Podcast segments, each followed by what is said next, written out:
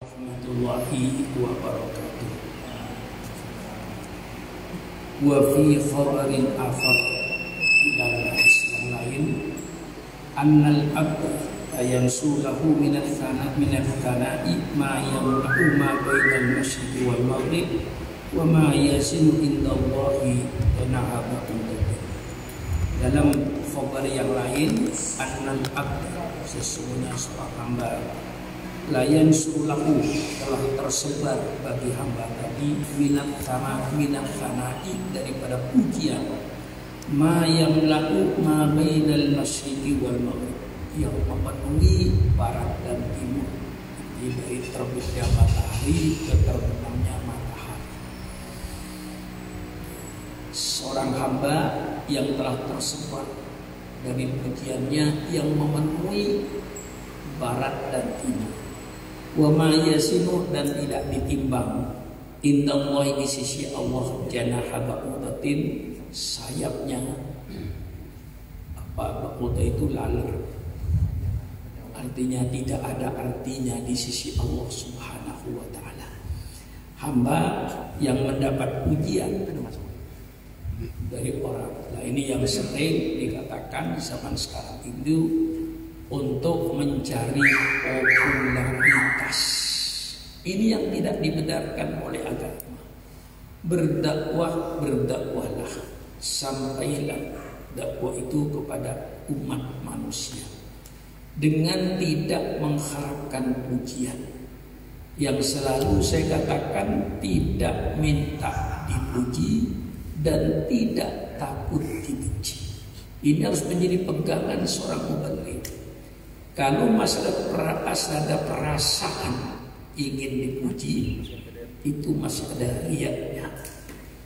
Sehingga dikatakan kulil haq walau kana Katakan yang benar itu walaupun pahit. Jadi yang menjadi pegangan seorang pembeli itu tidak minta dipuji dan tidak takut dibenci insya Allah mubeli yang semacam ini oleh Allah SWT akan memberikan karomah. Imma karomah keberanian imma karomah dilindungi oleh Allah Subhanahu wa maka orang yang terkenal populer naik daun sampai pujiannya memenuhi barat dan timur di sisi Allah itu masih tidak seimbang dengan sayapnya latar. Na'udzubillah min dalik. Ini yang diambil watak sifat orang-orang yang sufi. Kita semuanya ini termasuk diri saya. Belum termasuk golongan yang sufi seperti ini. Tetapi saya ceritakan tentang orang-orang sufi di Ihya ini paling tidak kita kena baunya. Paling tidak kena kita imbas. Ya tentu kita berusaha untuk kayak mereka. Tapi mereka itu subhanallah. Memang sudah mulus. Betul-betul ikhlas. Tidak ada karena, tidak ada karena, tidak ada karena kecuali satu karena. Orang berbuat itu kadang-kadang terlalu banyak karenanya. Karena atasan, karena masyarakat, karena ini, karena ini, karena ini ingin dipuji orang dan seterusnya. Nah, untuk yang ikhlas itu hilang semua karena itu.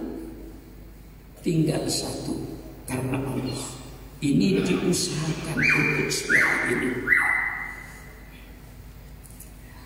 Waruwiya annal Hasan hamala ilaihi rajulun min Khurasan kaisan ba'da insirafi min majlisihi fihi khamsatu alafi dirham wa ashratu athwa min raqiqil mas. Wa qala ya aba sa'id hadihi nafaqatun wa hadihi kiswatun. Faqala al hasan afaqallahu ta'ala. Thumma ilaik. Nafaqataka wa kiswataka fala hajata lana bidzalika innahu man jalasa mithla majlisi hada wa qabila minan nas mithla hada laqiyallahu ta'ala yaumal qiyamah wala khalaqa lahu na'udzubillah ini orang yang betul-betul sufi bersih. Diriwayatkan bahwa Imam Hasan membawa kepadanya rojulun seorang min Khurasan dari negeri Khurasan kaisan bungkusan Ba'da insirofi min majlisi setelah dia pergi meninggalkan majlisnya dia kembali lagi. Fihi khamsatu alaf dirham. Di dalamnya itu ada lima ribu dirham. Dan wa asratu akbat dan sepuluh pakaian min roki kilbas dari pakaian yang paling halus. Dan satu pakaian roki kilbas yang paling halus. Ya artinya yang mahal Waqala kemudian mereka beliau berkata ya Aba Sa'id wahai Aba Sa'id hadi wahai Abi Waqala ya Aba Sa'id wahai Aba Sa'id hadi nafaqatun wadi kisbatun ini nafkah ya artinya sepatu wadi kisbatun ini pakaian. Faqala Hasan apa yang dikatakan Imam Hasan itu? Subhanallah. Ya, mencari kayak begini saya nggak ketemu sekarang ini ya. Wa faqala rasan afaqallah taala. Maaf. Afaqallah mudah-mudahan Allah mengampuni kau. Maaf. Dumma ilaika. Nafaqataka. Sudah kumpulkan nafkah itu kepadamu. Wa kiswataka dan pakaian itu. Fala hajat tidak ada hajat bagi saya bagi kami. Bidalikah dengan ini semua dengan sepatu dengan pakaian dengan duit. Ya ini 5000 dirham. Untuk nafkahnya saya tidak ada kebutuhan itu. Fala hajatali min dalika innahu sesungguhnya man jalasa majlisi hada.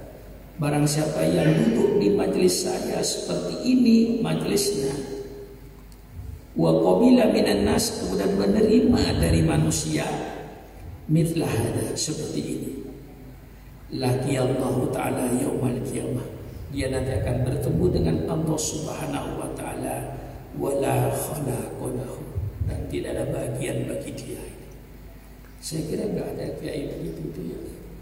Nah, ya ini contoh orang sufi. Bukan berarti lalu kita harus 100% seperti ini. Tidak. Ya hadis-hadis lain Rasulullah berkata Jangan minta. Kalau dikasih jangan menolak. ya, ini hadis ini. Jangan minta. Tapi kalau dikasih jangan menolak. Kalau kau tidak butuh, ambil segala pemberian itu. Kau tidak butuh, berikan kepada orang lain. Nanti salurkan. Tapi rupanya Imam Hasan beliau pikirannya seperti itu. Nah inilah pikiran orang-orang sufi itu di luar nalar kita ini. Karena mereka sudah betul-betul menyatu hatinya dengan Allah Subhanahu sudah tidak memikirkan dunia ini sudah. Coba datang muridnya dari Urosan bawa dinar 5000 dinar dengan 10 pakaian dari yang roki tilbas yang halus-halus pakaiannya itu ini untukmu. Maaf, mudah-mudahan Allah ngampuni engkau. Kumpulkan itu untuk nafkahmu. Itu untukmu ambil. Saya tidak ada hadat yang seperti ini. Dan barang siapa yang duduk di majlis saya seperti ini, kemudian menerima yang seperti hadiah dia seperti ini, nanti dia akan bertemu dengan Allah. Sudah tidak ada bagian dari la la nasibullah sudah itu bersihnya. Memang kitab Ihya itu menceritakan wataknya sifat sifat orang Paulia yang di luar nalar kita. Ya. Saya sering membaca sejarah-sejarah para aulia ini termasuk yang di Indonesia. Termasuk kalau boleh saya ceritakan kakek saya yang tadi termasuk ikhwani itu. Kakek saya ini sudah menjadi jamnya orang kampung. Jadi kalau kakek saya ini keluar, mesti jam 3 malam. Gak pakai jam orang. Pakai sudah keluar jam 3 malam. Kalau dia turun dari masjid, mesti jam 8 pagi. Ya, saya yang cucunya gak tahan. Cuman tahu ceritanya. Satu ketika ayah saya, Kiai Makmun, datang dari pesantren, ingin berbakti pada orang tua, ingin berbakti. Mumpung saya dari pesantren, saya mau menyenangkan ayah saya. Dia periksa kamar tidurnya. Kamar tidurnya itu dipan biasa sederhana yang dibuat dari bambu. Katakan. Di situ ayah-ayah saya melihat bangsa. Bangsa itu semua itu bergumpal-gumpal gitu tuh. Penuh. Kata ayah saya, kasihan ayah saya begini tidurnya tiap malam. Dikeluarkan dipan ini oleh ayah saya. Dibersihkan. Siram dengan air panas. Mati semuanya. Jam 8 kakek saya datang siapa itu yang mengeluarkan tempat tidur saya dibersihin ayah saya kan merasa bangga. Merasa bangga. Saya apa?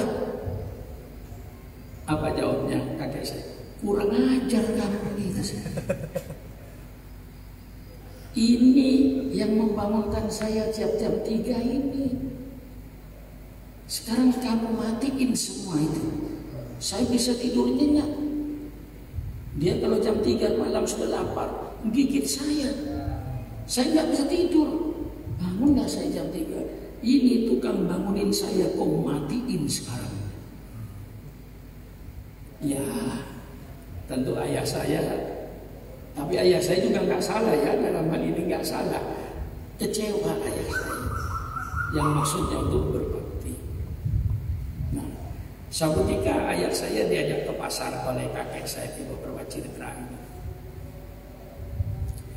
musim jagung muda lalu kakek saya beli jagung muda itu ayo nanti dibakar ayah saya bersama adiknya namanya Kiai Khalid pegang ini jagungnya. Sudah gembira dia. Nanti pulang ke rumah kita bakar jagung itu. Di tengah jalan ada nenek-nenek. Ngomong si nenek ini. Kiai, jagungnya bagus betul Pak Kiai. Ini kalau dibakar manis itu enak. Apa kata kakak saya? Eh, Makmun, kasihkan, kasihkan itu. Kasihkan sama nenek. Kecewanya saya dengan adiknya ini sama-sama kecewa. Sudah harapan mau bakar jagung, di tengah jalan dikasih orang. Karena ada orang nenek-nenek bilang, ini jagung enak Pak Kiai, masih muda manis. Dan kakek saya berpikir orang ini kepingin kasihkan. Kalau saya nggak bakalan saya kasihkan. Kamu misalnya niru-niru ini barangkali cucunya niru ketika saya bawa sesuatu mau enak ya sudah saya bawa aja ke rumah. nah, ini sifat-sifat ya sifat-sifat ada kakek saya Allah maufir lahu namanya Soleh Fakih Soleh Fakih dia ahli bikin masjid orang kaya Mungkin masjid yang dibikin oleh dia sudah ada 3-4 masjid dengan biaya pribadi. Antara masjid yang dibikin dengan rumahnya itu jaraknya 6 kilo. 6 kilo. Dia sembahyang isya di masjid yang dia bangun itu. Pulang ke rumahnya yang jarak 6 kilo ini. Subuh sudah mengimamin lagi di masjid tadi itu. Berarti dia habis isya berjalan 12 kilo. Pulang pergi. Istiqomah ya. Nah, ini orang-orang dahulu. Kita cuma baiklah mendengar cerita-cerita semacam ini untuk dijadikan suri teladan. Olehnya kayak ini Imam Hasan ini. Ketika datang muridnya habis ngaji dia pergi selesai ngaji pulang dari pulang dia bawa duit 5000 dirham dengan kaya. Maksudnya mau menghadiahkan kepada si guru ini. Dari ikhlasnya guru ini dari ikhlasnya guru ini walaupun yang memberi itu bukan masih hadiah mestinya kalau diambil ke apa-apa itu halal. Dia tidak minta kok dihadiahi oleh muridnya tapi karena sufinya dia ingin supaya utuh ini pahalanya ini. Tidak tidak dikurangi oleh Allah Subhanahu wa taala sehingga pemberian itu ditolak. Mudah-mudahan Allah ampuni kau. Sudah kumpulkan nafkah ini untukmu, kumpul untuk Subhanallah. Saya punya guru di Pasuruan namanya Kiai Khalil. Nah, Kiai Khalil ini cerita sama saya. Saya sudah di Jakarta. Dia kadang guru Syukran kata saya, kata dia kepada saya. Apa Pak Kiai? Saya sedih. Apa Pak Kiai bikin Pak Kiai sedih? Satu ketika saya sholat subuh, saya lihat dua orang yang berjamaah di belakang saya itu sarungnya robek-robek, jelek. Lalu saya cepat ke rumah, saya ambil kain sarung dua biji. Sedekah sama orang ini satu-satu. Niat sedekah. Tiba-tiba pada duhur saya ini kedatangan tamu lupa saya pada istiwa itu apa di Surabaya antara itulah kedatangan tamu saya tamu itu membawa sarung kepada saya 20 lembar satu putih saya sedih. Mengapa pakai? Takut pahala saya dua sarung tadi yang saya berikan kepada orang tadi oleh Allah dibalas di dunia. Apa masih ada balasan saya nanti di akhirat? Berpikir seperti ini nih jauh. Jadi pikiran orang-orang sufi begitu. Yang dia khawatir dia kasih sarung dua biji itu supaya langsung nanti pahalanya di akhirat saja. Tidak mengharapkan di dunia. Lalu kamu itu datang membawanya 20 sarung bi asli amthal. Asli amthalnya. Jadi sudah pas itu seperti Al-Quran. Dibalas oleh itu 10 kali. Ya Allah kok dibalas di dunia ya Allah. Bukan itu yang saya harap. Itu kayak saya, itu yang saya sedih, subhan takut. Amal-amal saya ini oleh Allah sudah dibalas di dunia. Apa ini orang saya bilang wali dalam guru saya. Sehingga saya lalu terpikir pada diri saya. Subhanallah, apa saya yang disinggung ini? Sebab apa saya merasa dengan berdakwah ini Masya Allah tidur di hotel yang enak. Mesti saya keluar negeri itu hotelnya enak, makannya enak, dijemput Masya Allah. Masih dikasih amplop.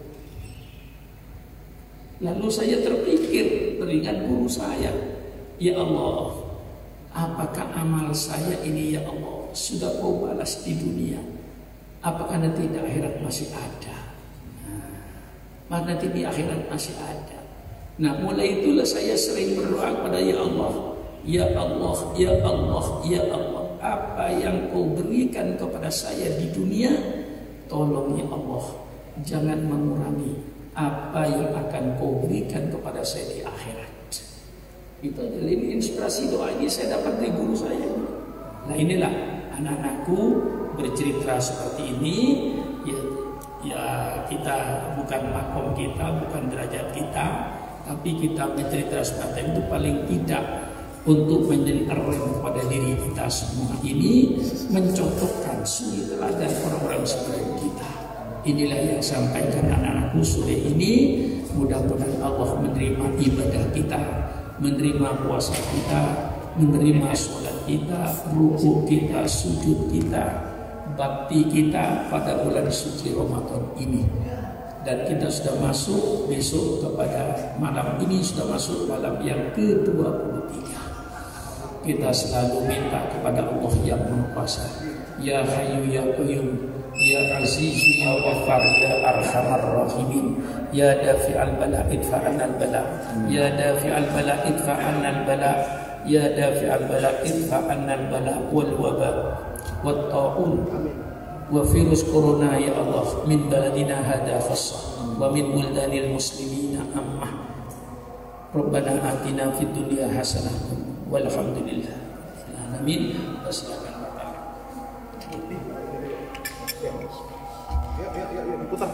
ini kurmanya gede nih.